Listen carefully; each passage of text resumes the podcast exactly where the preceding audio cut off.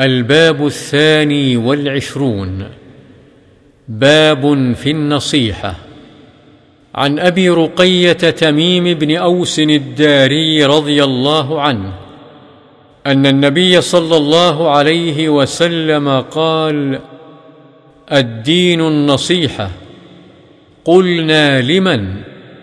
قال لله ولكتابه ولرسوله ولأئمة المسلمين وعامتهم. رواه مسلم.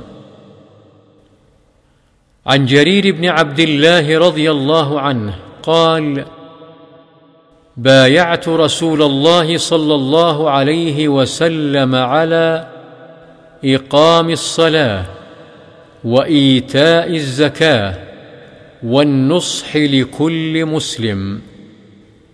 متفق عليه.